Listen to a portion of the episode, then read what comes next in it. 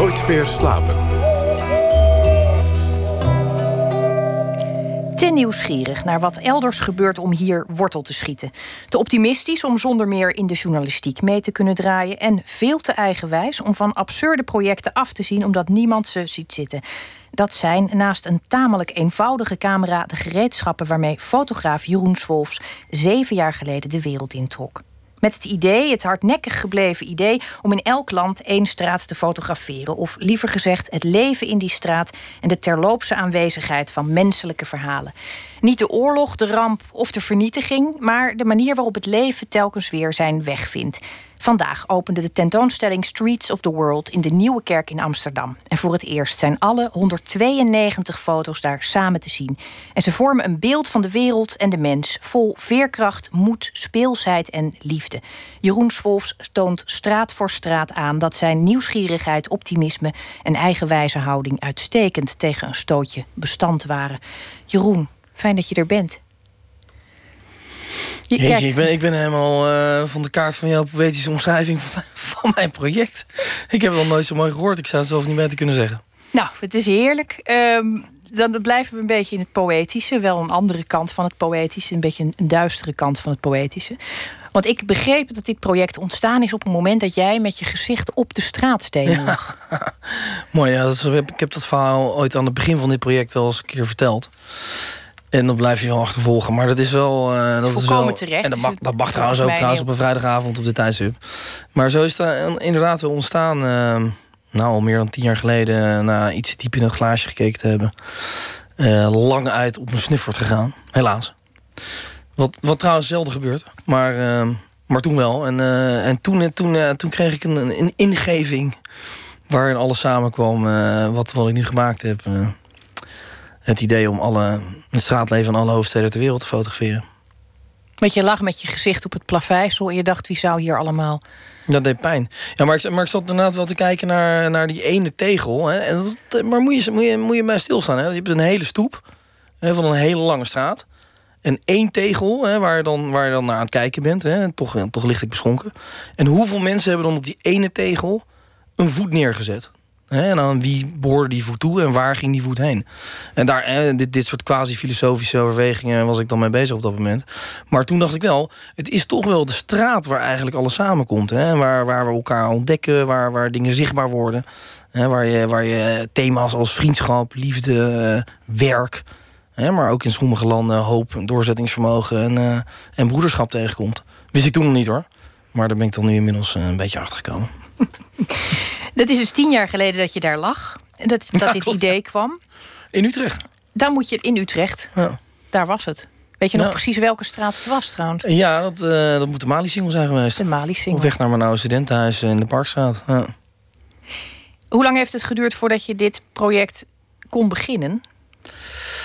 Um, even kijken, toen, ik heb dat toen bedacht. Dat, uh, nou, sowieso een dag. Want de dag daarna wist ik het nog. En toen, uh, toen, dacht ik, toen dacht ik voor de verandering. Want ik wil vaker een goed idee als ik uh, lichtelijk beschonken ben. Maar dan denk ik meestal de dag erna van... Nou, dit is natuurlijk bullshit. Maar bij deze dacht ik van... dit, dit zou, dit zou echt best wel een mooi verhaal kunnen worden... mocht ik het uit kunnen realiseren. Maar dat heeft uh, toen nog echt jaren geduurd. En, uh, en, toen heb ik besloten op een gegeven moment om het te doen. En toen heeft het nog drie jaar geduurd... om de financiering rond te krijgen daarvoor. Ja, want iedereen uh, die zegt natuurlijk... als ze dan zien ze zo'n leuke jongen binnenkomen met een plan. Ja. Zo'n dromer, net van straat geraapt. Met het idee dat hij over de hele wereld gaat reizen... en daar overal de straten gaat fotograferen. Ja, ja, het is natuurlijk niemand die dan onmiddellijk zijn portemonnee trekt en zegt: jongen, kijk eens, ga maar. Nee, hoe dat ging was eigenlijk dat uh, ik werd inderdaad warm, uh, warm ontvangen overal.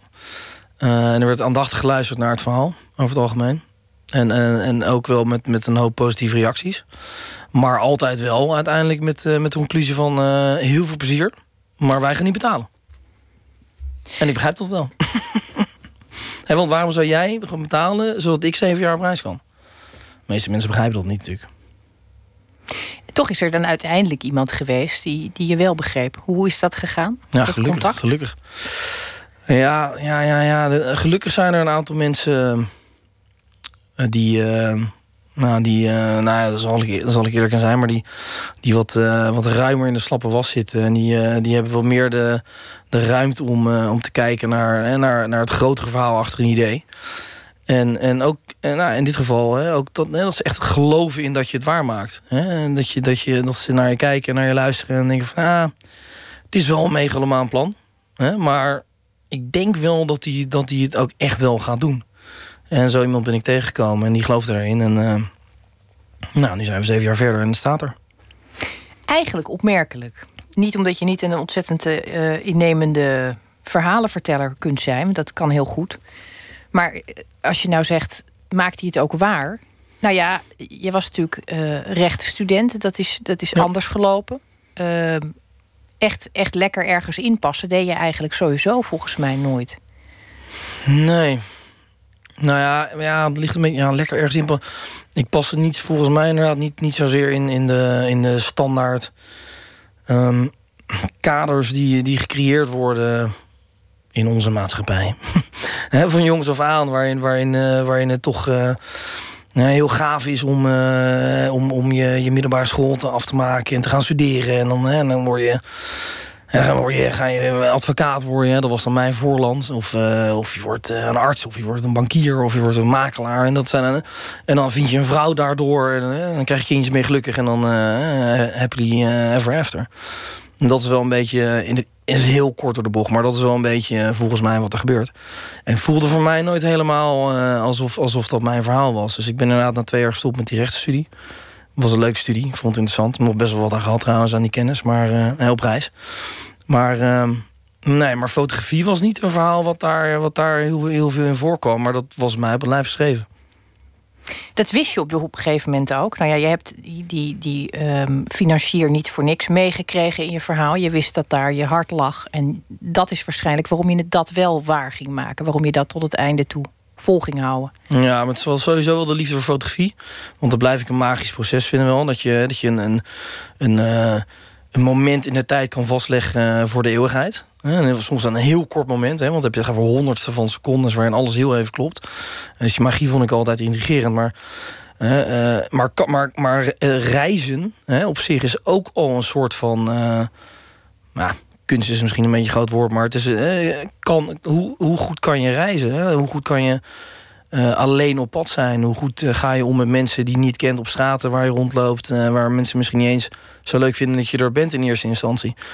Het gebrek aan luxe, het gebrek aan, aan vriendschap, aan, aan warmte om je heen. Hè? Dat zijn allemaal dingen die ook onderdeel zijn geweest van dit project. wat je wel moet kunnen, want anders gaat het, gaat het daarop mis. Hè? Wat, maar hoe, kan je, hoe goed je ook bent als fotograaf. Wist je dat? Wist ik wel, want ik had, ik had daarvoor al veel gereisd. dus ik was altijd aan backpacken voor mijn studententijd. Tijdens mijn studententijd ben ik altijd op reis geweest.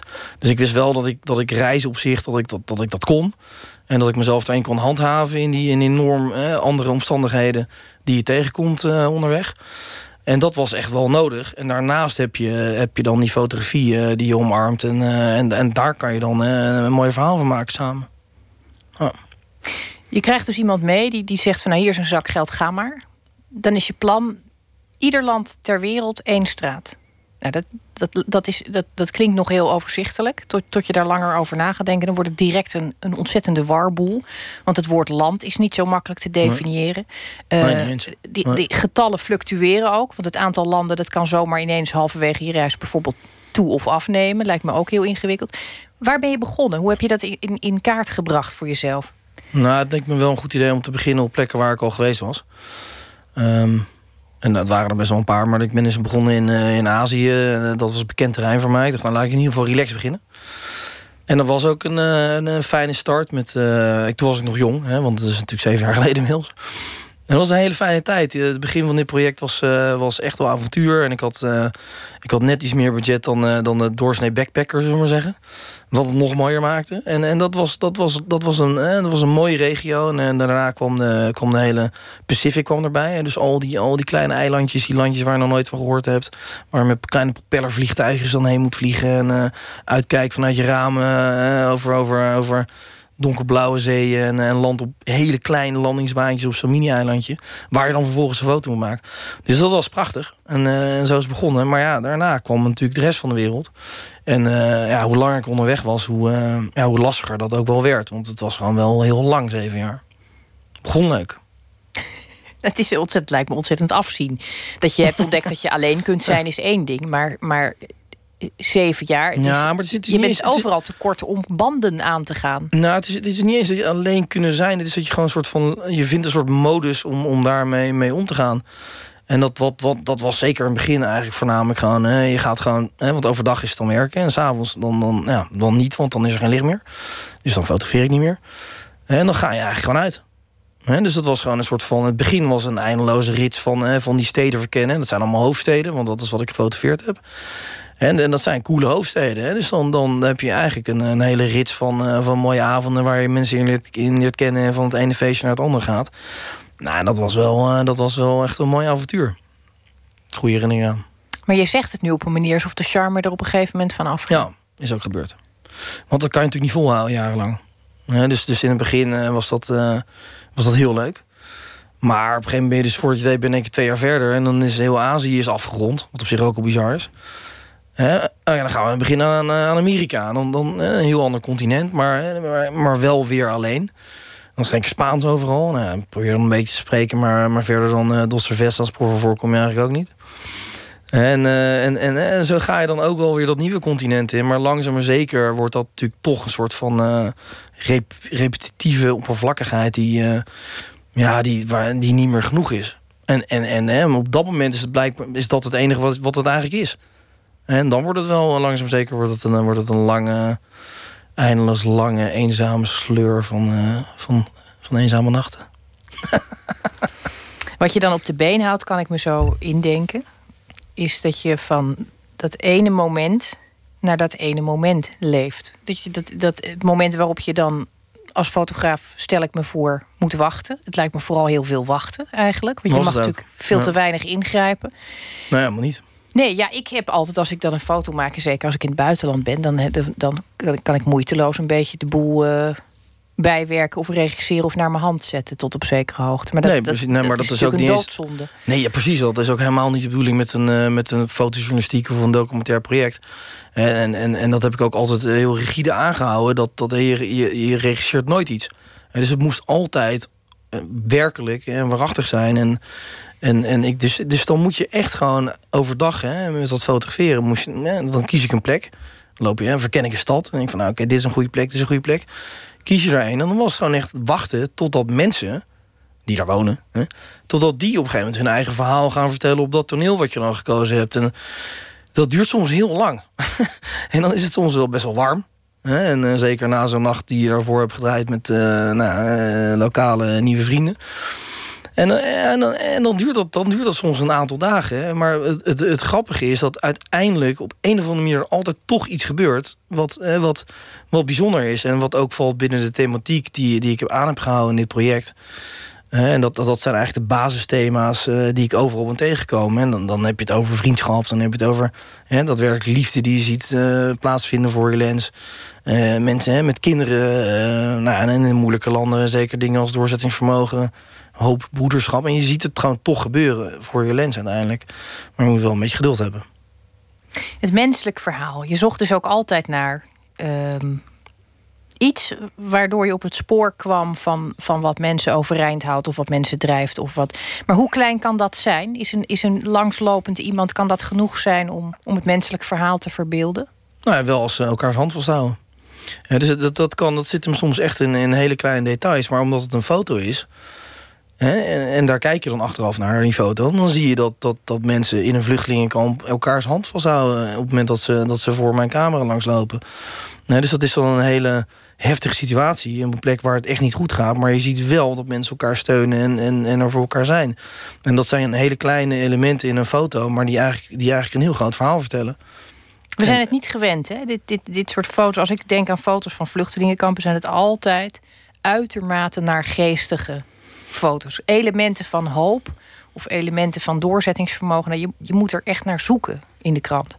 Ja. Je krijgt ook vaak een beetje een, een, een daardoor, denk ik, een, een beeld nou ja, god, waardoor je toch wel eens denkt, zeker als je dan een korte nacht hebt gehad en je bent in het regent en zo, en het is maandagochtend, dat je denkt, gaan we toch met z'n allen toch ontzettend naar naar het einde toe. Alles wordt minder.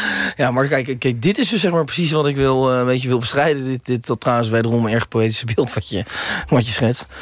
Want dat is dus helemaal niet wat ik gezien heb. En, en ook niet in, uh, in, in de moeilijke plekken waar ik geweest ben. En, uh, en daar heb ik zeker ook echt, wel, echt wel de ellende gezien. Want dat, dat pak je ook mee. Maar, maar altijd en juist op die plekken dan daar stijgen mensen ook boven zichzelf uit. En, en, en dat, dat is zo mooi om te zien. En dat is ook waar ik naar op zoek ben gegaan.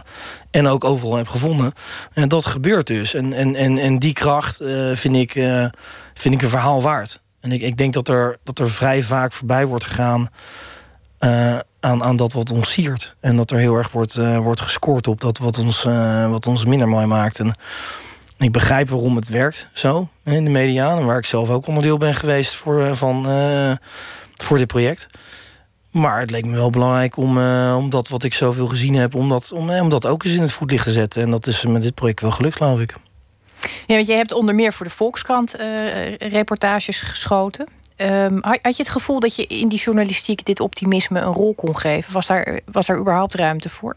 Ja, want, uh, want nou, die ik heb eigenlijk die reportage gemaakt... en die zijn vervolgens geplaatst in de Volkskrant. Maar, maar dat, hè, dat ging over terugkerende vluchtelingen in, in, in, uh, in, in, in, in Kroatië in dit geval.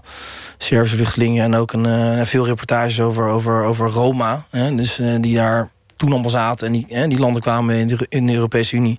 Waardoor ze weer konden reizen en eigenlijk weg konden gaan... en dat ze daar decennia soort van vast zaten.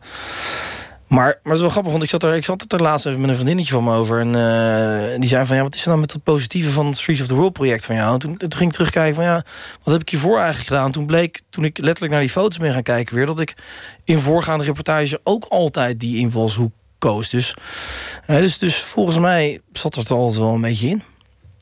Een optimistisch uh, jongetje was je dus Ja, maar inderdaad, want ik was inderdaad, en dat is een nieuwsgierig jongetje ook. Ik ben, ik ben echt een, ik was een vervent weglopertje vanaf mijn derde jaar. Ik kon dan net lopen, was een beetje later met lopen.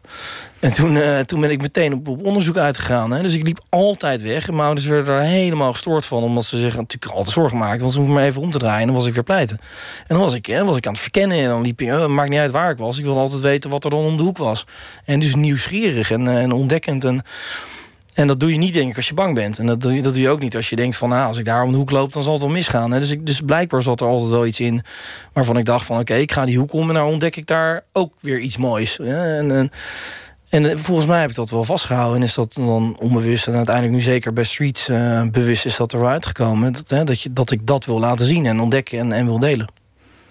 En je voelt het dus ook nog steeds zo. Want je, je, je, noemt het nu zelf, maar je bent opgegroeid in Wassenaar... wat toch een beetje een, een, een plek is waarbij je denkt... van nou, als een kind daar opgroeit, dat vormt je wereldbeeld... dan denk je misschien dat de hele wereld zo eruit ziet. Ja, uh, maar er bestaat, er, ontstaat, er bestaat wel een beetje een verkeerd beeld over Wassenaar. Want, want je hebt daar... Ja, natuurlijk barst natuurlijk van de, van de megavilla's... Uh, maar er zijn ook gewoon helemaal een soort van normale wijken waar gewoon eh, die overal Nederland staan, die zijn er ook. Maar dat is dus weer een voorbeeld van hoe, hoe snel een plek gestigmatiseerd wordt door een bepaalde berichtgeving. En, en ik ben gewoon opgegroeid in, ook in een rijtjeshuis. En ik heb uh, tot mijn, uh, tot mijn, nou, geloof mijn veertiende met mijn broertje op een kamer geslapen. Vond ik heel normaal. Zoiets van, oh, oh, oh, weet je wel, wat bijzonder. Maar dat gebeurde bij ons thuis ook. En pas later ben ik uiteindelijk uh, via na een scheiding allemaal best wel gedoe soort van in die villa-wijk beland... tegen die tijd dat het soort van helemaal niet meer gaaf was. dus ik, ik heb er eigenlijk niet zoveel gehad. Uh, maar, maar het is dus niet zo... Het is dus en niet... Wereldwijd gezien is Wassenaar toch wel een erg nee, veilige ja, plek te noemen. Nee, dat is zo. Maar, maar niet alleen Wassenaar. Heel Nederland is natuurlijk gewoon wereldwijd gezien een veilig land. Waar we allemaal, denk ik, uh, ja, vrijwel allemaal volgens mij wel gezegend zijn dat we hier wonen. En, en het best wel goed voor elkaar hebben met elkaar. Daar je natuurlijk dikke belasting voor. Maar ja, daardoor is het ook veilig. En, hè, en doen de stoplichten het. En is er gezondheidszorg. En hè, al die dingen die ze dus in al die andere landen waar ik geweest hè, ben niet hebben. Dus Nederland is gewoon een veilig land. En, en een goed land. En, uh, en een land waar je ook trots op mag zijn, denk ik, met elkaar. En ik, ik weet het wel, want uh, ja, hoezo weet je wel, wat weet jij dan? Nou, ik ben dus letterlijk naar alle andere landen ter wereld gereisd, dus ik kan er wel iets over zeggen. Dit is een fijn land. Nou, het, mooie vind ik, want daar wilde ik heen uh, eigenlijk, voordat we verstrikt uh, raakten. het mooie vind ik dat jouw idee, ik ga de wereld in en ik heb, je had een, een vrij positief mensbeeld, dat, dat, dat is dus niet geknakt. Nee, dat is versterkt. Nou, dat, dat, dat is opmerkelijk. Juist voor iemand die 192 landen, en dat zitten natuurlijk landen bij waar ik zelfs met, met een flinke som geld, denk ik, niet eens naartoe zou willen. En jij komt terug en je zegt, nou, ik heb rondgekeken. De, eh, de mensheid valt inderdaad ontzettend mee. Nee, maar, maar ja, dat heb, dat heb ik ten eerste heb ik dat gezien. Maar ik wilde wel duidelijk bij zeggen dat ik, dat ik ook echt wel op plekken ben geweest waar ik ook echt wel heb gezien dat het helemaal niet goed ging. Hè? Dat, dat zie je ook in. Uh, in, in, in, in Somalië en in de Centraal-Afrikaanse Republiek. Dus daar, daar wil ik niet aan voorbij gaan. Maar ik heb, ik heb ervoor gekozen om me, me te richten op het andere verhaal. Maar wat ik nog belangrijk vind, is dat er dat er op een of andere manier, en uh, daar, dat is toch iets wat vanuit de media komt, uh, dat, dat, dat er een beeld gecreëerd wordt dat het dus heel slecht gaat. Terwijl feitelijk gezien, en daar heb ik vanochtend nog een artikel over gelezen, gaat het beter dan ooit in de wereld. als je gaat kijken naar hoeveel conflictgebieden er nu zijn, elf gewapende conflicten, dat is elf te veel. Maar in 1990 waren er 25. dus dat was niet eens zo lang geleden. ineens gaan er overal evenveel meisjes naar school als jongetjes. Dat vind ik eh, heel fijn om te horen. Er zijn 25 eh, vrouwelijke wereldleiders. dus, eh, dus, dus, dus het, is, het is eigenlijk helemaal niet zo dat het slecht gaat... maar er wordt zo onwijs nadruk gelegd op de, op de slechte dingen die ook gebeuren... dat we allemaal een soort van enorm radicaal beeld krijgen over onze tijd... van ah, het is slechter dan ooit. En ze komen ons allemaal pakken en het is gevaarlijker dan ooit... en aanslagen. Het gebeurt... Maar er gebeuren ook heel veel goede dingen. En er wordt echt wel veel bereikt ook in onze tijd. Hè, om, het, om, het, om het beter te maken. En dat ziet weinig. En daar is Streets of the World gelukkig een voorbeeld van. En dat kan je zien in die foto's. Dat leeft en dat gebeurt. En, en dat, dat verdient aandacht, vind ik.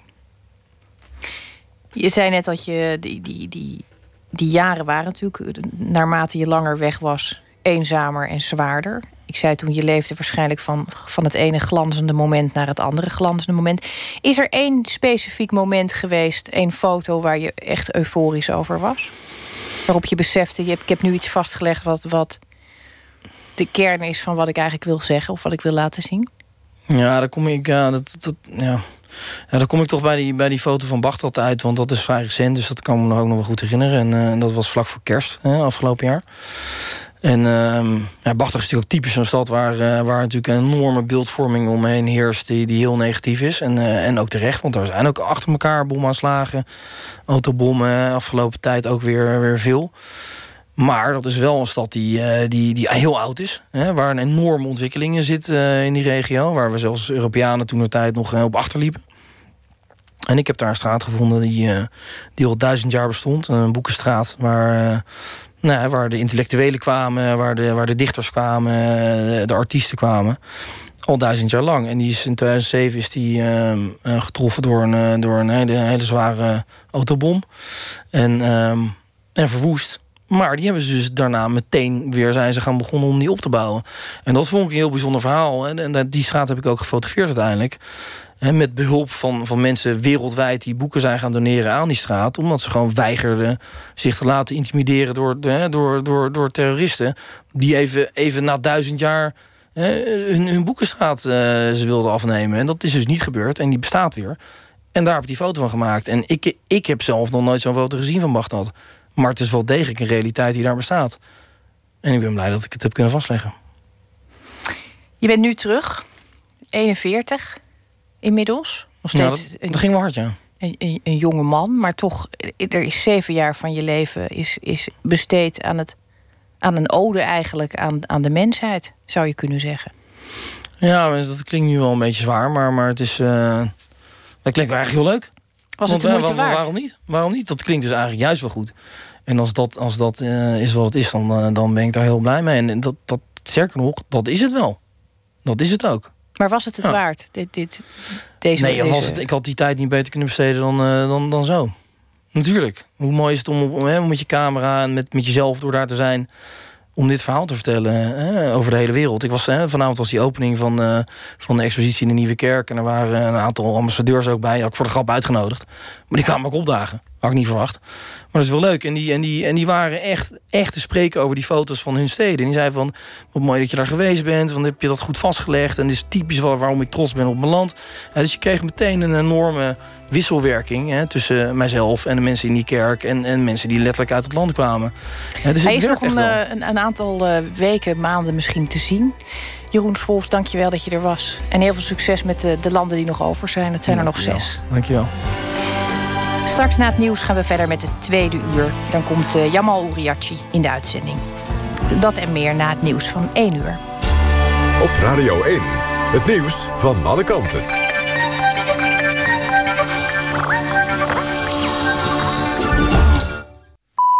1 uur, Ewout de Jong met het NOS-journaal. Bij het Witte Huis in Washington is een gewapende man neergeschoten.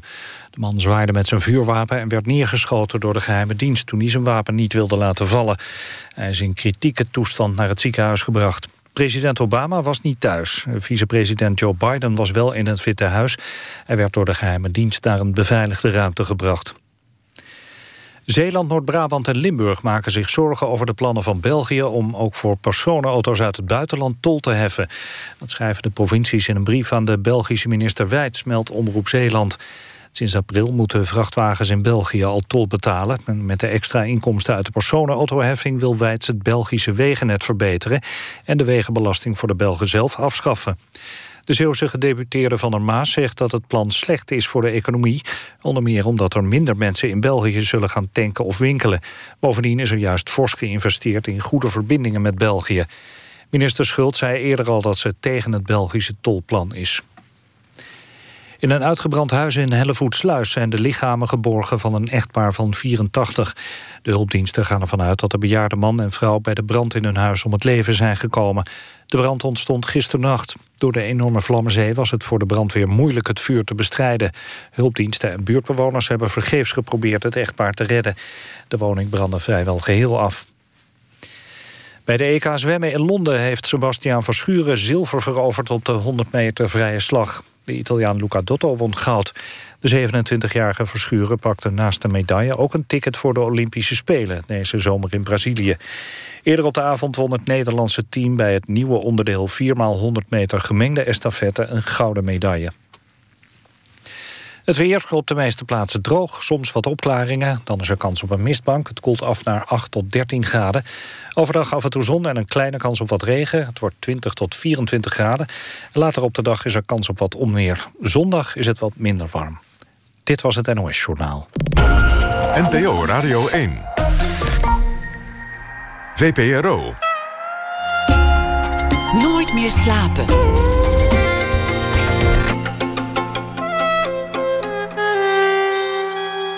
Met Esther Naomi Perquin. Goedenacht, welkom terug bij Nooit meer slapen. Het Nederlands Fotomuseum in Rotterdam bezit maar liefst 90.000 natuurfoto's, waarvan de oudste uit 1873 komt. Een selectie van die foto's vertelt het verhaal van de opkomst van de natuurfotografie. En straks nemen we een kijkje bij de expositie met natuurfotograaf Jasper Doest. En ontwerper Dirk van der Kooi komt langs naar aanleiding van een overzichtsexpositie bij Galerie Ixie in Eindhoven. Maar we beginnen dit uur met een schrijver die reageert op iets wat er in de wereld is gebeurd. Of iets wat er in de wereld juist niet is gebeurd. En deze week doen we dat met schrijver Jamal Uriachi. Jamal, goedenacht. Goedenacht, Esther. Had jij vandaag ehm, de indruk dat het uh, wat beter ging met de mensheid? Uh, nou, niet in het bijzonder, nee. Maar dat, die indruk heb ik meestal niet. Maar ook niet per se heel veel slechter eigenlijk. Niet veel slechter dan, uh, dan, nee. de, de, rest van de week. Ik hoor net op het nieuws dat er, dat er een, een, een verwarde man... of nee, niet verward, maar een man met een wapen bij het Witte Huis stond... en die is gearresteerd blijkbaar. En Obama was niet thuis. Maar uh, ze hebben wel vicepresident Joe Biden naar een beveiligde ruimte gebracht. En ik dacht, hé, je zit in het Witte Huis, dat is toch één grote beveiligde ruimte. Maar goed, uh, dit terzijde, dat viel me zo eventjes... Uh, nee, het is grappig dat je dat zegt. Ik hoorde het net ook. En toen dacht ik um, aan die, die, Russische poppetjes... die je steeds kunt open doen, dan zit er nog één in. ja. Ik kan me voorstellen dat Joe Biden een soort Russisch poppetje is... als die daar uh, aanwezig is. Hoe ver dat ja, gaat, weet ik dan niet.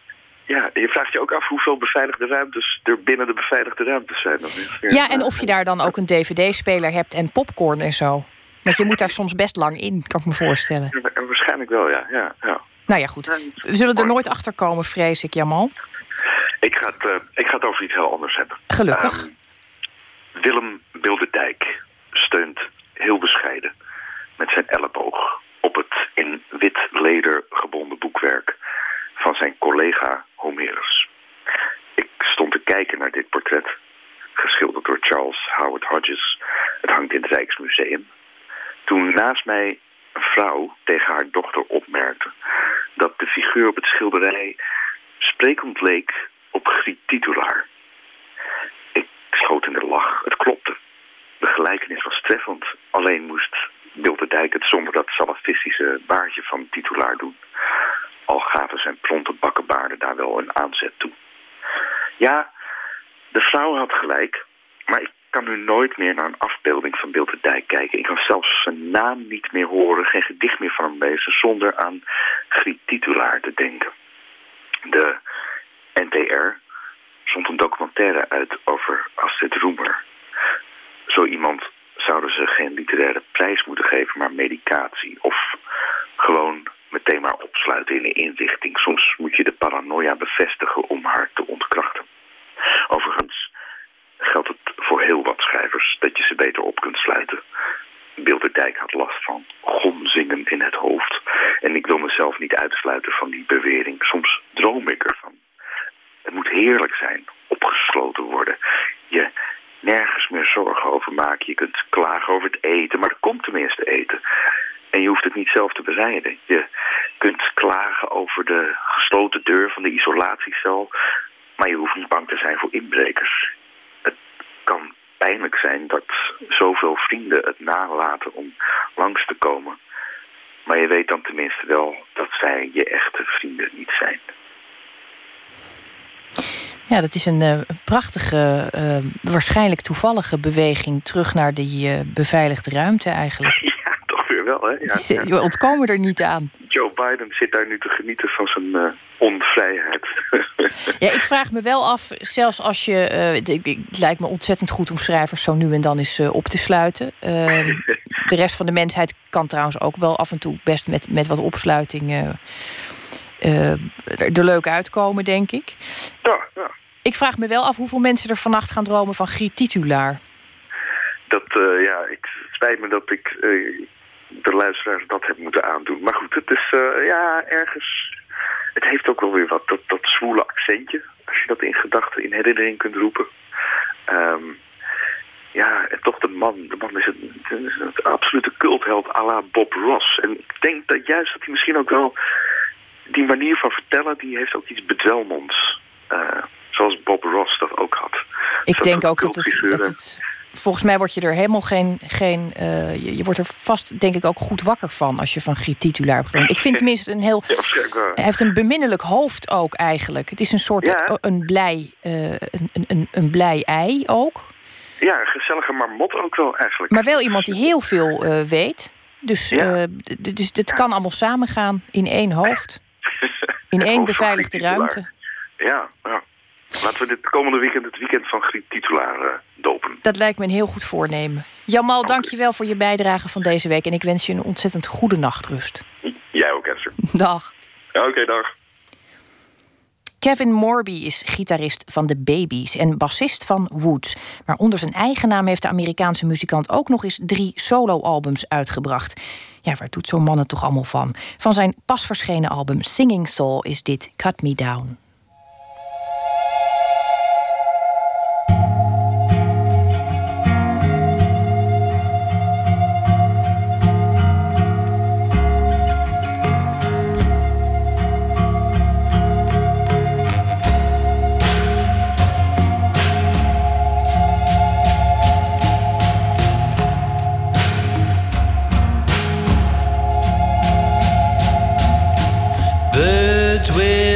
Gather at my side. Tears will gather in my eyes. Throw my head and cry as vultures circle in the sky.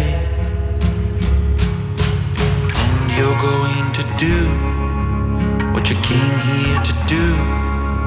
So why not do it now? Oh, and cut me down.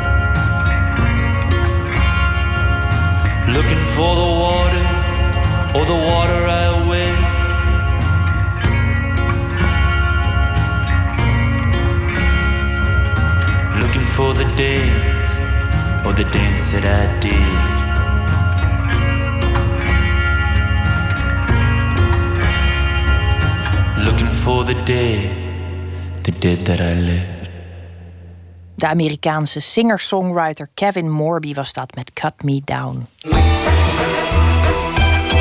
Nooit meer slapen. Morgen zaterdag opent in het Nederlands Fotomuseum in Rotterdam de expositie Jacht met de camera. Het toont historische natuurfotografie. Dat soort fotografie heeft het in musea nooit goed gedaan. Het is dan ook meer dan 100 jaar geleden dat er buiten de natuurmusea een dergelijke expositie was. Verslaggever Botte Jellema bezocht de tentoonstellingsruimte gisteren toen de expositie nog in aanbouw was. En hij ging samen met natuurfotograaf en zilveren camerawinnaar Jasper Doest. Jasper houdt stil bij een zwart-wit foto uit 1905 van een nest lepelaars. En die zit daar met een drietal kuikens. En dat is typisch een beeld wat destijds werd gemaakt met als doel een stukje natuurbescherming, een stuk educatie. Want de eerste natuurfotografie had een duidelijk doel. Het tonen van de natuur en het publiek bewust maken van de schoonheid ervan. Daarom werd alles in de natuur op foto geregistreerd. Van dit soort beelden, die, dat bestond eigenlijk helemaal niet. Maar hoe onschuldig deze foto van het lepelaarsnest ook lijkt... je ziet hem tegenwoordig nergens meer. Nee, dat, dat eh, nestfotografie is in die zin wel aan banden gelegd. En daar ben ik geen grote voorstander van. Het fotograferen van nesten is bij natuurfotografen taboe. Reden? Als je zulke foto's publiceert... willen amateurs deze foto's ook gaan maken. Ja, je kan je voorstellen dat als hier een hele grote groep eh, fotografen hier aankomt... en hier rondom eh, gaat liggen, dat dat een verstorend effect heeft... waardoor de lepelaar uiteindelijk geen broedsucces meer heeft. Want uh, je, je hebt zelf dat ook ervaren. Uh, ik heb op Rotterdam Oog heb ik een reportage gemaakt voor National Geographic. En daar zat een prachtige lepelaarkolonie en die was omringd door meeuwen.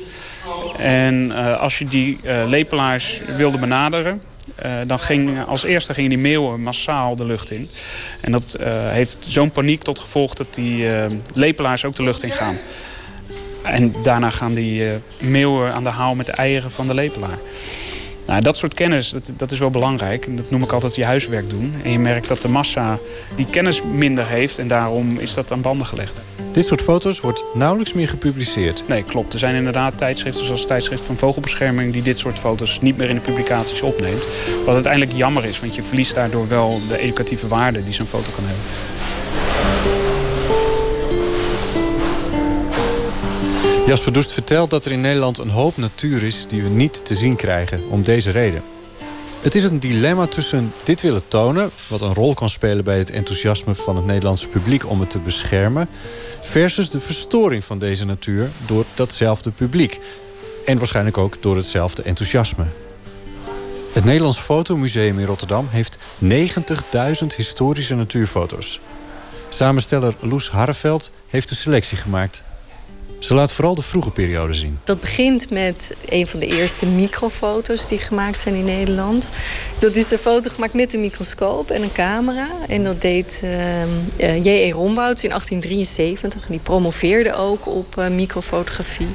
En hij vond het heel belangrijk dat wetenschappers zelf gingen uh, fotograferen. Want hij zei, als je dat moet overdragen aan iemand anders... dan gaat er ook iets in de waarneming verloren. Dus hij was echt een, uh, een voorvechter van uh, fotograferende wetenschappers. Niet, dus niet, geen wetenschappers die, die, die fotografen erop uitsturen... maar nee. wetenschappers die zelf ja. de fotocamera ja. erbij pakken. Ja, omdat je natuurlijk als je zelf waarneemt, weet je wat je in beeld wil brengen. Dat, uh, dat zie je ook bij die vroege natuurforschers. Die tekenden ook zelf. En dat is natuurlijk nog altijd heel erg handig. Ja. Dat je direct kan vastleggen wat je hebt gezien. De oudste is dus uit 1873. En de jongste foto's zijn van ongeveer 1945.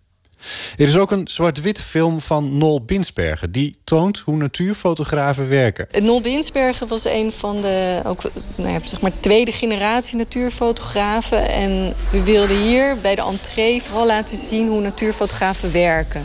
Dus je ziet hen uh, door de modder waden, uh, met bootjes... Uh, schuilhutjes installeren. Dus we hadden een heel staketsel bij zich. En er werd een doek overheen getrokken. En dan zie je ze natuurlijke materialen verzamelen... om zichzelf uh, goed te verschuilen. En je ziet ook welke trucjes die uh, fotografen gebruikten. En ook de natuurfilmers trouwens. Dus heeft hij bijvoorbeeld een luciferdoosje... waarmee hij rammelt om een vogel te lokken en ook alert te maken. Dus het geeft echt direct een blik in de, de werkwijze van de vroege natuurfotograaf. En dat is wel leuk, want Jasper Doest, ik heb jou ook gevraagd om hier te komen. Jij bent zo'n natuurfotograaf, maar dan van nu. Ja, klopt. Wat je hier ziet en wat Loes net vertelt. Dit is, dat is ongeveer, nou, wat is het, 100 jaar geleden? Nou... Dit is wel iets minder oud, dit is uit de jaren 40. Jaren 40. Herkenbaar nog steeds? Ja, er is helemaal niks veranderd. Als ik naar deze beelden kijk, dan lijkt het net of het beelden van mij zijn van vorige week. Zo, jij waat door de modder, verzamelt natuurmateriaal om jezelf te, te verbergen. Ja, precies. Ja. Ja. Je camera is, is, is een beetje anders waarschijnlijk. Ja, materiaal is wel heel erg uh, veranderd. Het is allemaal veel toegankelijker geworden tegenwoordig. Maar de aanpak, het, wat ik zie hier met bootjes... en ik zie uh, mannen in het, door het riet waden... dat is exact wat ik van de week in de Biesbos heb gedaan. Jeetje, ja. Het onderwerp is natuurlijk eigenlijk al jaren precies hetzelfde. Ja, dat is ook wel de valkuil geweest, denk ik, voor natuurfotografen na deze periode. Dat er uh, in die zin heel weinig is veranderd, ook in de aanpak niet. Hmm. En dat ook de beelden eigenlijk hetzelfde zijn gebleven. Dat beelden uit deze tijd die kunnen nog prima mee met de beelden die tegenwoordig worden gemaakt. De valkuil is dat dit soort natuurfotografie geen duurzaam businessmodel is. Als er genoeg kievieten zijn gefotografeerd, dan hoeft de volgende kievietfoto niet te rekenen op veel belangstelling. Stel dat een tijdschrift een artikel heeft over een kieviet. Daar konden ze dan een foto bij vinden in de zogenaamde beeldbanken. Ja, er zijn een aantal beeldbanken die gespecialiseerd zijn in uh, natuurfotografie. Uh, die hebben een enorme collectie aan na natuurbeelden. Dus daar kunnen ze zoeken van we zoeken een kieviet in vlucht, we zoeken een kieviet op nest. Uh, daar kopen ze dan dat beeld aan en dan krijgt een fotograaf krijgt daar een percentage van die verkoop. En dat was een bestaand verkoopmodel wat eind jaren 90 enorm is ingestort. Eigenlijk omdat de massa massaal natuur ging fotograferen en uh, gratis beeld beschikbaar Precies. ging stellen. Want toen begon de liefhebber ook kievieten te fotograferen. En werd de markt verstoord door een lawine aan gratis liefhebbersfoto's. De natuurfotograaf moest veranderen, maar deed dat niet. Die bleef maar kiwi te fotograferen. Ik denk dat natuurfotografie in de hedendaagse fotografie echt wel een ondergeschoven kindje is. Hmm. En dat we dat met z'n allen aan onszelf te danken hebben. Door... Hoe dan? Nou, mede omdat het niet veranderd is, uh, heeft het op een gegeven moment wel een, een enigszins truttig karakter gekregen. Waarbij het altijd maar weer een herhaling was van een registratie. Zoals ik al eerder noemde. Van dat, uh, die kieviet is die kieviet gebleven. En die bleven wij maar uh, met z'n allen opnieuw vastleggen. Zonder fotografie te gaan gebruiken als middel om een emotie neer te kunnen zetten. Of om uh, een bepaald verhaal te kunnen vertellen.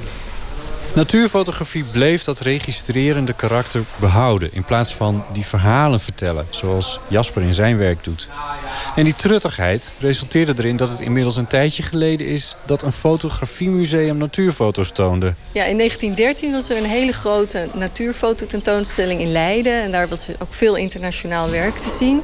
En eigenlijk is daarna uh, is, is het helemaal stilgevallen. Is er wel eens wat getoond tijdens een ornithologisch congres. Je hebt natuurlijk wel hele grote... Uh, fotowedstrijden uh, voor hedendaagse natuurfotografie. Maar in een museale setting is er sinds die tijd nooit echt een groot overzicht geweest. Want ja, hoe interessant is een fotocollectie met keurige registraties van dieren? Toch vertelt deze expositie een verhaal. Want de rode lijn van de natuurfotografie is er nog steeds. Toon de schoonheid en motiveer natuurbehoud.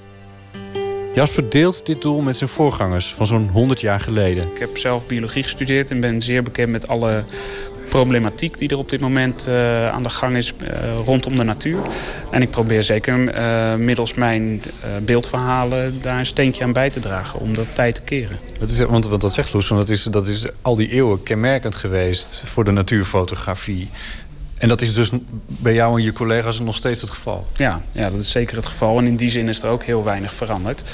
Uh, en het is daarin ook mooi dat fotografie zo'n vlucht heeft genomen in de afgelopen jaren. Dat er steeds meer mensen uh, natuur zijn gaan fotograferen. En zo hebben we met z'n allen ook een grotere stem gekregen, denk ik, voor natuurbehoud. Die reflectie op natuur is wat samensteller Loes Harreveld wil laten zien.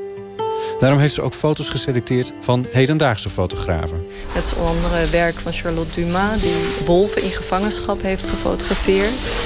Uh, grote kleurenwerken van uh, Kim Boske... die wandelingen documenteert... en die daarin heel erg bezig is met ook de, de beleving van de natuur en, en de ruimte.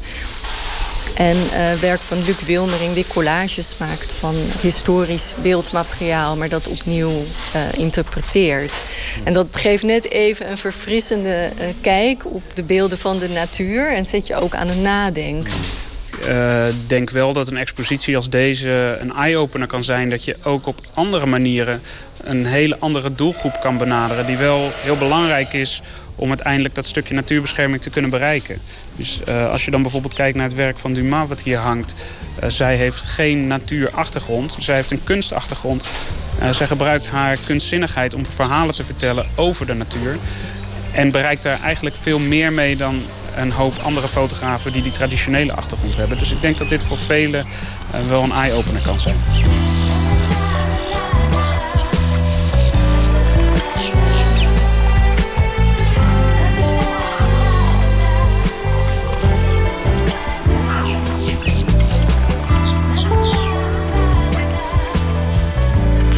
Natuurfotograaf Jasper Doest en Loes van Harreveld... de samensteller van de tentoonstelling Jacht met de Camera... van het Nederlands Fotomuseum in Rotterdam. En de expositie opent morgen en duurt tot september. Over een paar weken opent daarnaast in hetzelfde museum... een overzichtstentoonstelling met fotografie van Frans Lanting... een van de grote natuurfotografen die ons land heeft voortgebracht. Take Me to the Alley is de vierde plaat van de Amerikaanse soul- en jazzzanger Gregory Porter. En daarvan draaien we Don't Lose Your Steam. Sitting on the top of the roof, the bridge is on mine. Steam engines roll by, the bridges fall down, and so do my dreams. Boy, you hear me calling your name. The bridge is your time, your engine rolls hot. If the bridges fall down, don't lose your head of steam young man. I'm counting on you, and whoa, young man, I'm counting on you. Boy, I didn't make it too far, but baby, you are the family star. I'll tighten your seams. Don't lose your head of dreams. Boy, you hear me calling your name. The bridge is your time. Your engine rolls hot. If the bridges fall down, don't lose your head of steam. Young man, I'm counting on you. And whoa, young man, I'm counting on you to get me to the other side. Hey, hey, hey.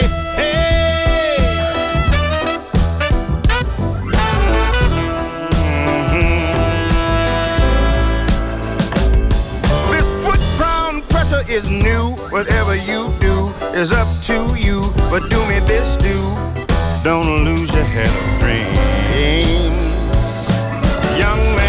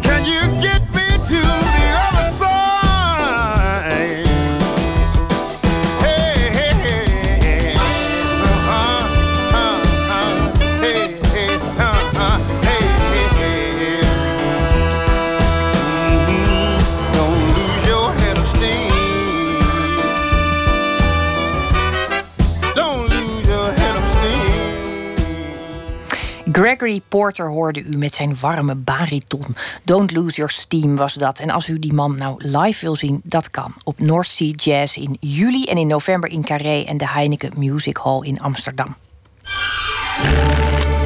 Open kaart.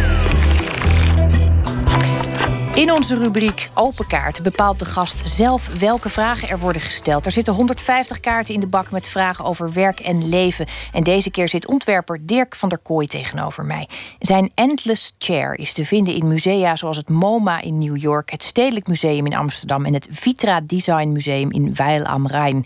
Met een door hem zelf ontwikkelde 3D-printer. En pers heeft hij een collectie producten gemaakt van stoelen tot verlichting en van tafels tot accessoires zoals kleerhangers. En dat allemaal van gerecycled materiaal. Onder de titel 0916 toont XC Expo in Eindhoven een overzicht van zijn werk. Dirk, welkom. Ja, dankjewel. Het is een, eh, een, een eh, latertje voor jou Ja, klopt. vandaag. Ja, ja. Ehm, daar- zijn we ook extra dankbaar voor dat je dat dan toch eh, weer doet. Ehm, ik las ergens, en dat vond ik eigenlijk een beetje aandoenlijk ook en, en, en herkenbaar, dat jij een voorkeur hebt voor, voor inmiddels alweer iets verouderde 3D-printers. Klinkt bijna gek, want het is natuurlijk een ontzettend modern, hip iets. Maar dan zijn er toch ook alweer verouderde 3D-printers. En waarom las ik? Omdat je dan bij het eindproduct nog een, een, een klein randje ziet. Nou ja. Klopt. Ja, de techniek bestaat al 35 jaar nu, 40 inmiddels al. Dus het- is niet eh, eh, een hele nieuwe techniek. Eh, in, het begin konden ze eigenlijk ook al 3D printen. Alleen het, op een gegeven moment is dat echt een hype geworden en ging iedereen mee aan de slag, omdat de patenten daar, daarop vielen. Ehm, maar de oude, oudere 3D-printers die waren iets lager in resolutie. En zag je echt een, een eh, je zag zeg maar de stapeling van de, de lagen op elkaar in het eindresultaat. En dat zie je nu ook nog wel met lage eh, kwaliteit 3D-printers. Ehm, en vaak zie je dan eh, met prototypes bijvoorbeeld dat, dat men dat weg gaat schuren. Dat wil je niet zien natuurlijk, die, die, die randjes en die dingetjes. En En ik vond, het, ik, ik, ik vond juist heel lekker. Ik, eigenlijk, ik, ik hou heel erg van die relatie van hoe het gemaakt is in het, in het eindproduct te kunnen zien. Ehm, eh, dat vind ik een soort eerlijkheid hebben. Eh, en toen besloot ik eigenlijk om, dat, ja, om die, die lage resolutie eigenlijk nog lager te maken. Dus echt op te blazen naar, naar, naar vingerdikte bijna zo. Ehm, zodat het echt gewoon een, bijna een ornament wordt. Ehm, en dat bleek ook eigenlijk wel de truc te zijn om daarmee meubels te gaan maken. Want het is veel sneller, veel sterker. En eh, daardoor kan je ook gerecycled kunststof gebruiken. Ja, ik ben nog even aan het bijkomen van de schok. Omdat ik dus net van jou begreep dat 3D-printers dat dat er gewoon al 40 jaar is. Ja. Dus ouder dan ik. Ja, Ja, oké. ja ik, ik, ik loop vaak een beetje achter, maar ik vind dit wel weer een treffend moment. Ja. Eh, dat ik toch weer, weer eens een keer denk dat iets modern en hip is. En dan blijkt het er gewoon al heel lang te zijn.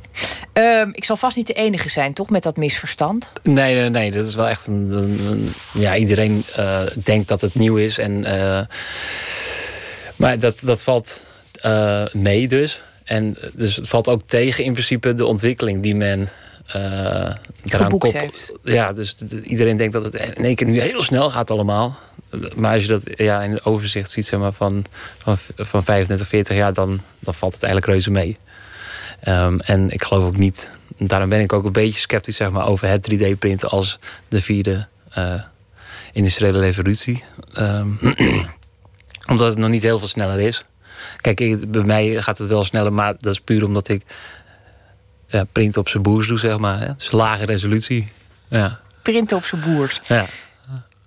Het, is, eh, het past ook wel een beetje, denk ik, in, in, in hoe jij eh, werkt. Je houdt sowieso wel van, van dingen die niet helemaal volmaakt zijn of niet helemaal glad. Ehm, ja, het, het feit dat je recycelt, dat, dat zegt ook al, denk ik, dat je houdt van enig karakter. Terwijl je bij design toch heel vaak denkt aan, aan strak en glad. Maar dat, dat kan dus heel goed samengaan. Ja, ja zeker. Ik, ik had altijd een soort. soort eh, ik, heb, ik heb eerst hout- gedaan. Dus echt hout- en meubileringscollege werd me altijd opgelegd. Ik mocht alleen met hout werken. En daarna eh, ging ik naar de Design Academy en lag eigenlijk alles open en eh, ontdekte ik kunststof. En kunststof vond ik een heel aantrekkelijk materiaal, omdat dat in alle producten eigenlijk heel lelijk werd toegepast en een soort goedkoop was. En, en, en ik, ik, ja, ik dacht eigenlijk elke keer aan een dikke stevige dingen daarvan te maken of zo. Ik, ik weet het niet, omdat dat er gewoon nog niet was of zo, of eh, te weinig was. Ehm, en eh, ja, dan, omdat je zoveel kunststof gaat gebruiken, dan denk je automatisch ook aan gerecycled kunststof. En, en ik wilde ook dat materiaal meer karakter geven dan het altijd had eh, in, in, in, die, in die standaardproducten. En dan heeft gerecycled kunststof ook vaak een, een, ja, de- een historie die je ook terug kan zien in het eindproduct. En dat vind ik gewoon heel lekker. Dus dat je een soort. Het is niet een wat, dan, wat, dan zie, wat zie je dan bijvoorbeeld? nou ja, bijvoorbeeld in het laatste... eh, De machine die we ontwikkeld hebben, dat is gewoon eigenlijk een hele grote pers. eh, waar we hele stoelen in kunnen gooien. Dus die, die, die, die we niet goed geprint hebben. Eh, daar hebben we het eigenlijk voor ontwikkeld. Want we houden heel erg van prototypen en, en klooien aan die machine en nieuwe dingen ontwikkelen. Maar ja, daar creëer je natuurlijk ook weer heel veel eh, stoelen of dingen mee eh, die niet gelukt zijn. En dat gaf een soort druk op mijn schouders. Van, ja, dat, is, dat is ook niet heel mooi natuurlijk, want je bent aan het recyclen. En ondertussen gaat de helft, nou, een beetje overdreven, gaat dan eh, de hoek in. En daar hebben we die pers voor gemaakt. Ehm, en het leuke van die pers is dat het dus niet eerst naar korreltjes wordt gemaakt, eh, gemalen, zoals normaal gebeurt. Maar dat we dus hele stoelen erin kunnen gooien. En dat zie je dus ook echt heel duidelijk in het eindproduct terug. Dat daar gewoon een, geplette stoel in zit. Eh, en zo hebben we ook eentje bijvoorbeeld gemaakt van, eh van typemachines. En dat was toevallig een collectie van de eerste typemachine naar de eerste Mac. En het museum dat stopte ermee. En die heeft al die plastic onderdelen eraf gehaald. En die hebben wij er geperst. En dan zie je gewoon echt alles in terug. De, de, de- ja, de, de de, het toetsenbord. En het heeft, dat is echt gewoon echt een hele mooie tafel geworden. Juist door die... eh, door dat gerecyclede kunststof, door die objecten die erin zitten. Ja, ik- je hoeft mij niet te overtuigen. Als ik dit hoor, dan, dan, dan begint mijn begerende hartje al te bonken. Een tafel met uh, typemachines erin. Laten we eens kijken wat we aan, eh, aan vragen kunnen recyclen in deze bak. Dat doen we namelijk ook elke week. Trouw, kaarten gaan altijd weer terug, maar Ja. je weet nooit hoe ze geschud zijn. Tre- trek een vraag, zou ik zeggen. Het gaat met beleid, zie ik. Wat is voor jou het toppunt van ellende? Ehm,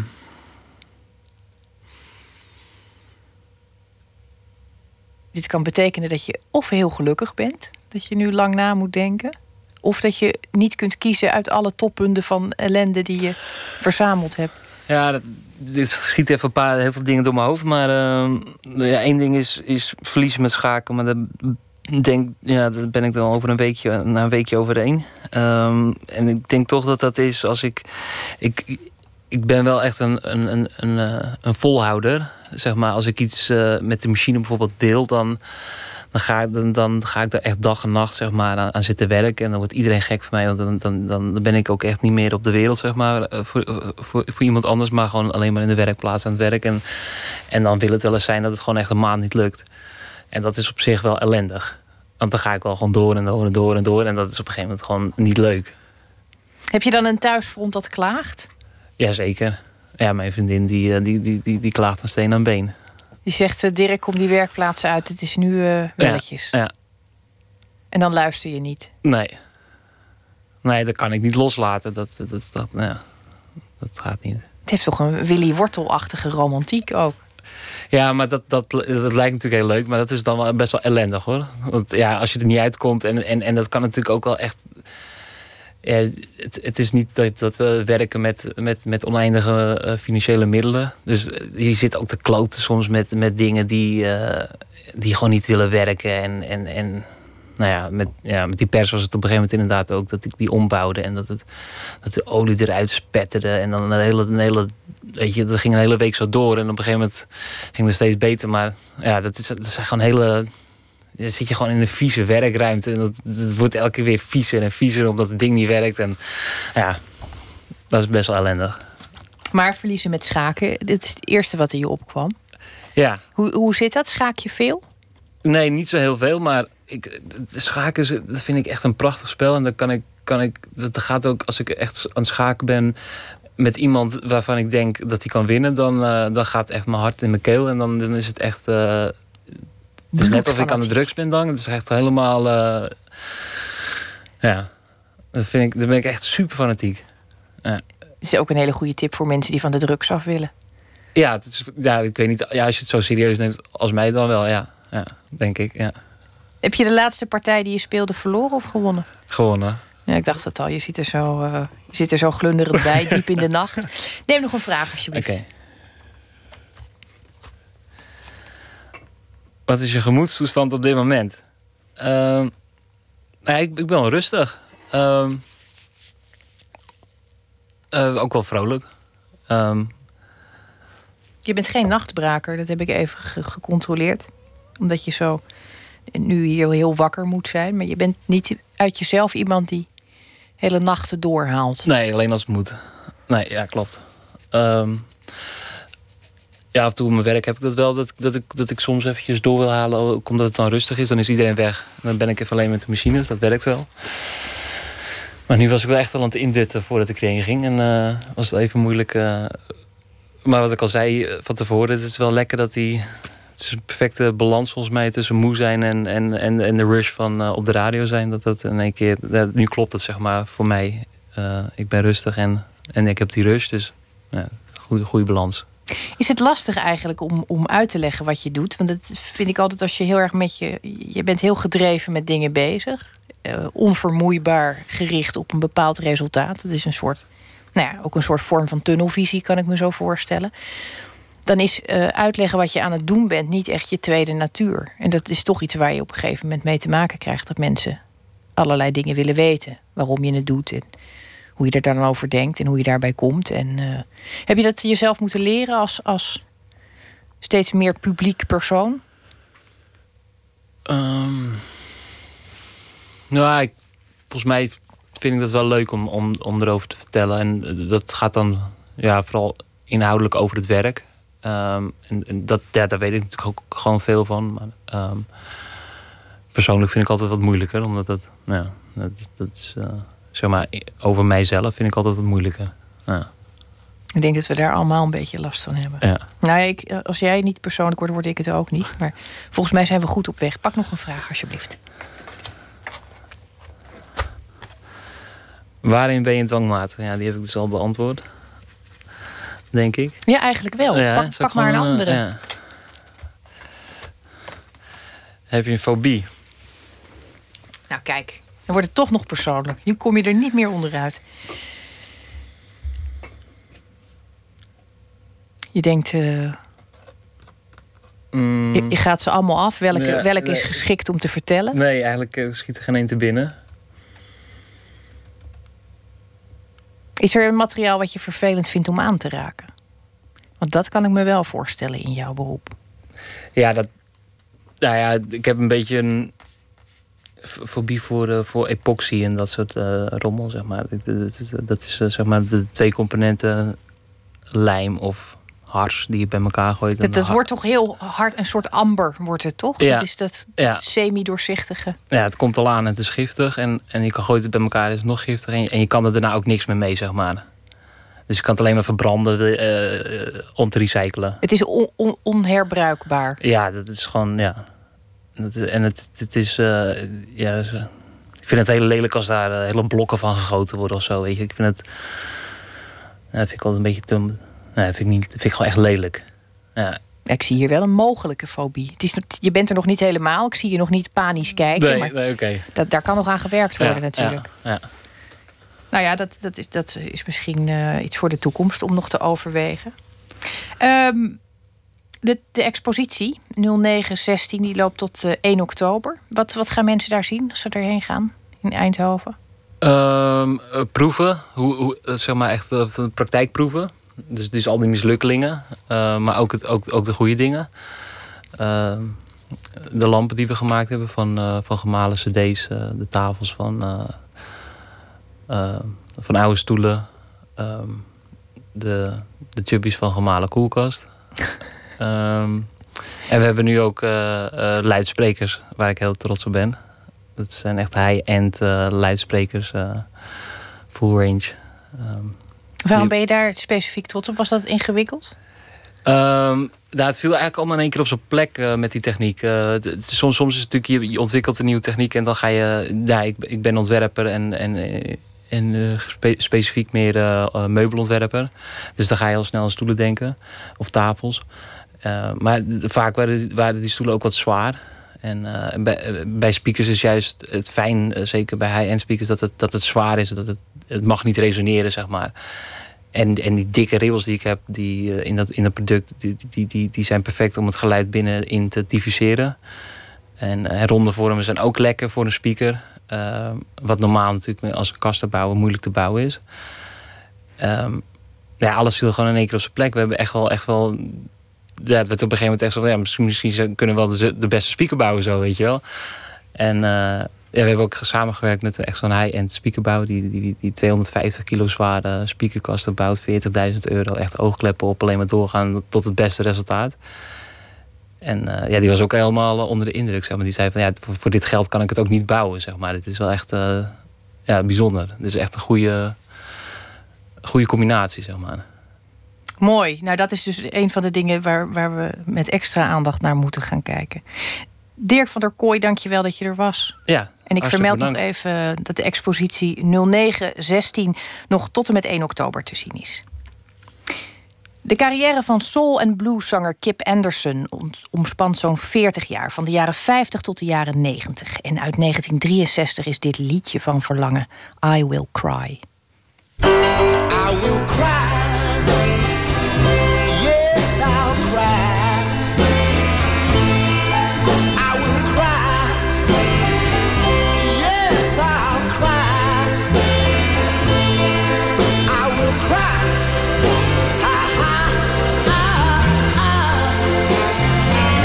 Till I find my love.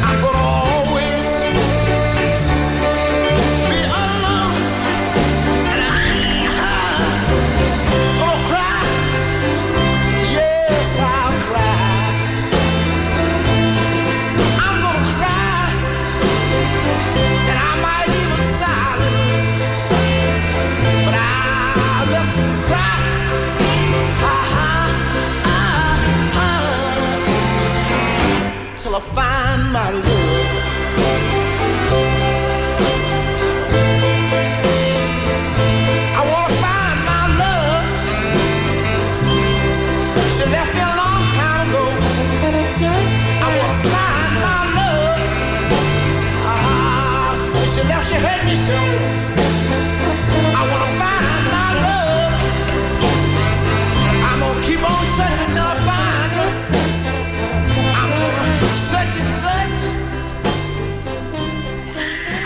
I Will Cry was dat van Kip Anderson. Je zou er haast een jukebox voor gaan aanschaffen. Nooit meer slapen. Vandaag werd bekendgemaakt dat kunstenares Wendelin van Oldenborg en curator Lucie Kotter de Nederlandse inzending voor de Biennale van Venetië in 2017 verzorgen. Dat heeft het Mondriaan Fonds bekendgemaakt. En Cinema Olanda heet de presentatie. En onze nachtcorrespondent Floortje Smit weet meer. Floortje. Hi. Hoe gaat zoiets eigenlijk in zijn werk? Ja, het, het Mondriaan bepaalt wie Nederland gaat vertegenwoordigen. Het Mondriaan Fonds die bepaalt wat, wie Nederland gaat vertegenwoordigen. Ehm, op die biennale. En NRC omschreef dat vorig jaar, of vorige week heel erg mooi als een soort Olympische Spelen voor de kunsten. En dit is de derde keer dat ze het kiezen via een wedstrijd. En dat betekent dat een curator een kunstenaar benadert en dan een idee ontwikkelt. Nou, in totaal zijn er eh, 68 van dat soort duo's gevormd. En daarvan kwamen er vijf op een shortlist. Waaronder bijvoorbeeld eh, Renzo Martens en Erik van Lieshout. En die hebben vorige week een plan gepresenteerd aan de jury. En Lucie Kotter en Wendelin van Oldenborg die hebben dus gewonnen.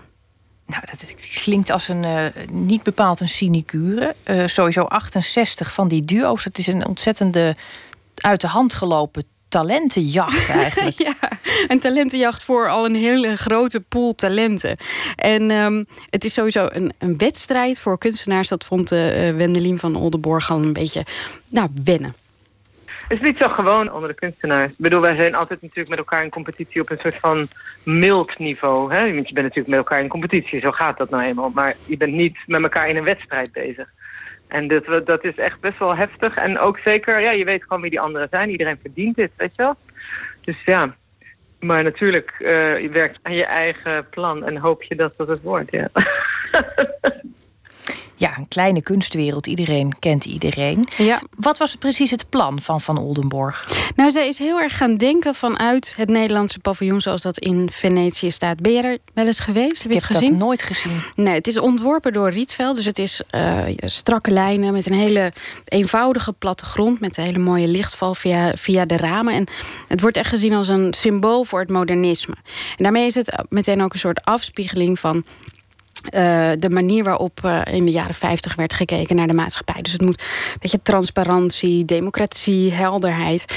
En wat Van de Oldenborg gaat doen, en dan citeer ik het juryrapport, is de hedendaagse houdbaarheid van die achterliggende ideologie onderzoeken, waarmee het paviljoen ooit tot stand is gekomen, door de transparantie en harmonie van het gebouw ruimtelijk te ontregelen. Nou ja, dat is wel een mooie, ja, dat is wel mooi gezegd eigenlijk. Echt, echt ontregelen zal ik het zeker niet doen. Want wat ik eigenlijk, wat we wilden doen, is de, de kracht van, die, van, dat, van de, dat gebaar van Rietveld. Want het is een waanzinnig mooi, een mooi gebouw met een hele mooie kwaliteiten om dingen in te tonen. Dat willen we abs- absoluut niet aantasten.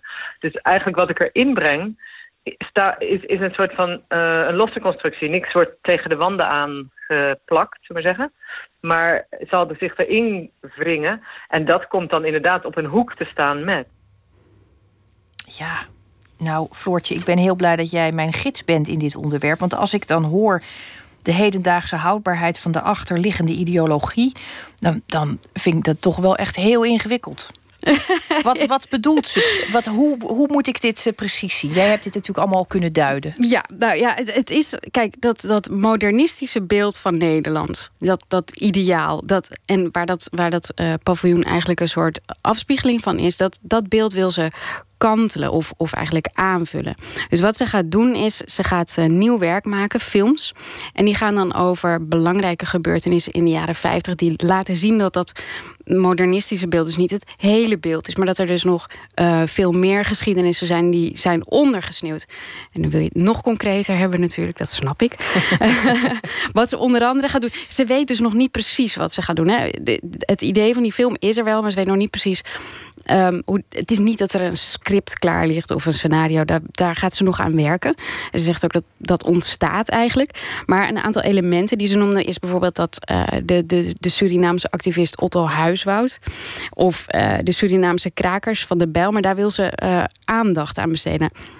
En ehm, wat de jury daar dus heel fijn aan vindt... is dat ze eigenlijk heel erg goed aansluit op de tijdsgeest. En dat ze daarmee hele bijzondere verhalen ontsluit... die misschien niet zo bekend zijn eh, eh, in de geschiedenis. En wat zij ook heel erg graag wil, is dat je daardoor een beetje anders gaat kijken naar dat Nederlanderschap. En door, door, dus, dus dat, naar een soort nieuw soort bewustzijn. En ehm, ze willen ook laten zien dat Nederland veel meer een internationale plek had. Bijvoorbeeld in eh, de zwarte onafhankelijkheidsbeweging. Iets weinig mensen weten eigenlijk. En waar je best wel een beetje trots op kan zijn. Dus ze zegt wel van het gaat eigenlijk wel over de jaren 50, maar het gaat vooral ook heel erg over nu. Wat is Nederland? Wat, wie zijn de Nederlanders? Die, zijn er heel veel. En ik denk ook dat er is, er is ook een moment, want daar hadden we het ook over. eh, er is een moment aangebroken in, eh, waarin ook juist eh, door de groepen zeg maar, van niet-witte Nederlanders wordt er ongelooflijk gewerkt. Er is een enorme energie ontstaan in jonge mensen om daar iets mee te doen. Om daar een eh, eh, eh, naam aan te beginnen geven. en het, begint echt ontzettend te leven. Terwijl ik werk daar bijvoorbeeld al tien jaar aan. En dus dat is eigenlijk een mooie samenkomst van omstandigheden. Dat dat dan nu ook, ja, ook erkend wordt. En ook dat zo'n jury zegt van ja, ga jij het dan ook maar doen. Weet je wel, dat vind ik dan wel heel fijn. Ja, ik, het begint met de dagen. Het is, het is een, een, representatie, zou je kunnen zeggen, van een nieuw Nederland. Ze vult iets aan wat er ontbrak. En dat geeft eigenlijk Nederland weer zoals het nu is. Ja, en ze werkt daar dus al heel erg lang aan, aan die, aan die postkoloniale geschiedenis en, en aan die elementen daarvan. Ehm, en wat ik, er, wat ik er ook interessant aan vind, is dat ze daarmee eigenlijk ehm, voldoet aan het hele ouderwetse beeld van de biennale. Want het zijn, vroeger zijn dit soort wedstrijden ontstaan als een soort landencompetities. Waarbij je dus, eh, ja, waar je, waar je het opnam tegen elkaar. Dus eigenlijk net als de Olympische Spelen. Hè. Een kunstenaar vertegenwoordigt een land. En dat is een idee wat eh, bekritiseerd wordt. Dat vertelde eh, Van Oldenborg. Die zei ook van, ik vind dat zelf ook raar. Dat je dan een soort representatie moet zijn van een land. Want ja, wat is een land eigenlijk? En ehm, de meeste biennales die zijn dus inmiddels een soort thematische wedstrijden geworden. Alleen Venetië die doet het dus nog steeds wel op die manier met die landenpaviljoens. Wij dachten echt van, we moeten dat gewoon omarmen. Want het is heel interessant om het wel te doen. Om te zeggen, nee, ja, we gaan inderdaad nationale eh, representeren. Maar dan doen we het wel zo, dat, dan wil ik wel laten zien van wat denk ik dat dat is. Hè? Dus het is meer dan wat er misschien eh, ja, uit een eh her, her Rutte zou komen of zo, zullen we maar zeggen. Ja, ik ben eh, inmiddels toch wel erg benieuwd, Floortje. Ja, ik ook. We moeten alleen nog even wachten. Namelijk tot eh, mei 2017. Dat is nog heel erg ver weg. Ehm, Ja, dat, dacht, dat zei ik dus ook. Ik zei meteen van, oh joh, 2007. Maar daar dacht zij heel anders over. Nee, ze is zo voorbij. Ik, ik ben al bang voor de weinige, weinige tijd die ik heb. Dat is helemaal niet zo lang. Dat is helemaal niet zo lang. Ja, en wie, wie, het, eh, wie haar werk eerder wil zien... op dit moment eh, kun je het zien in Rotterdam... in de galerie van Wilfried Lens. Floortje Smit, dank je wel. Graag gedaan. Aida Victoria is een nieuwe naam in Nashville, Tennessee. Met een afwijkend geluid. Want ze heeft niet alleen door de lokale, lokale countrymuziek laten beïnvloeden. maar ook door afro, punk en blues bijvoorbeeld. En u hoort haar hier met Howling Shame.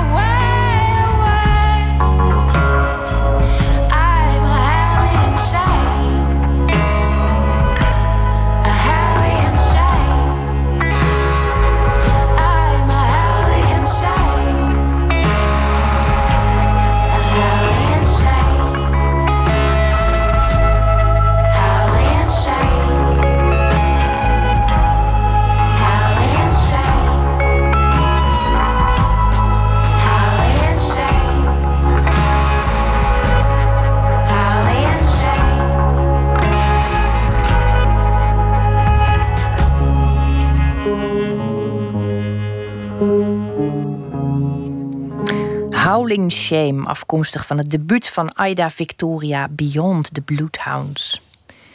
En ook deze week sluiten wij iedere nacht af met een gedicht. En dat is dit keer een keuze van Erik Bindervoet. Hij is bekend van de vele vertaalprojecten die hij met Robert-Jan Henkes heeft gedaan. En als dichter debuteerde hij in 1995 met de bundel Tijdelijk zelfportret met hoofd- en plaatsbepaling Oranje. Daarna volgden nog zes bundels, waarvan de meest recente Het vuil van de schoonheid heet. Dat is tenminste een titel die iets beter onthoudbaar is.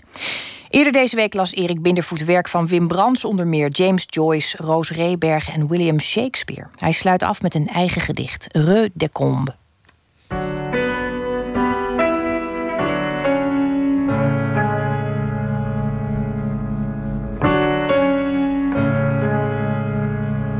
Dit is eh, een gedicht dat heet Parijs Rue des Combes. Dat is een gedicht eh, van mezelf. En het gaat over eh, de vervreemding van een huwelijk dat op de klippen ligt. En meer zeg ik er niet over. Parijs Rue des Combes. Het blauw van de verbazing probeerde de badkamer binnen te komen.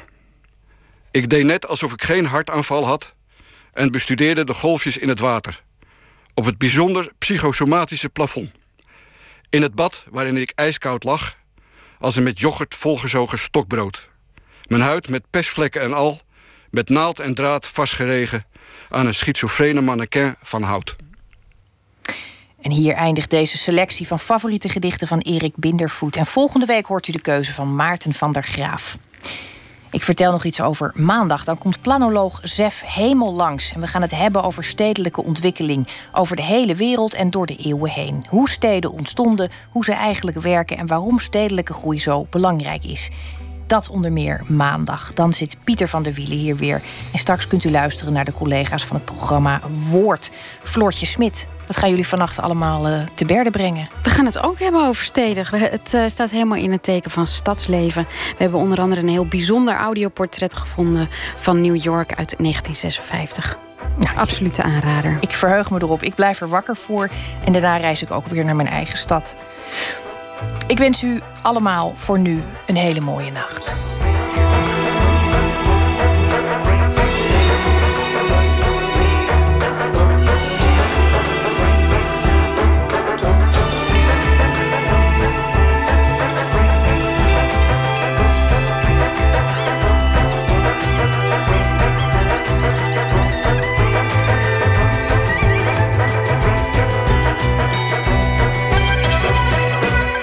Op Radio 1, het nieuws van alle kanten.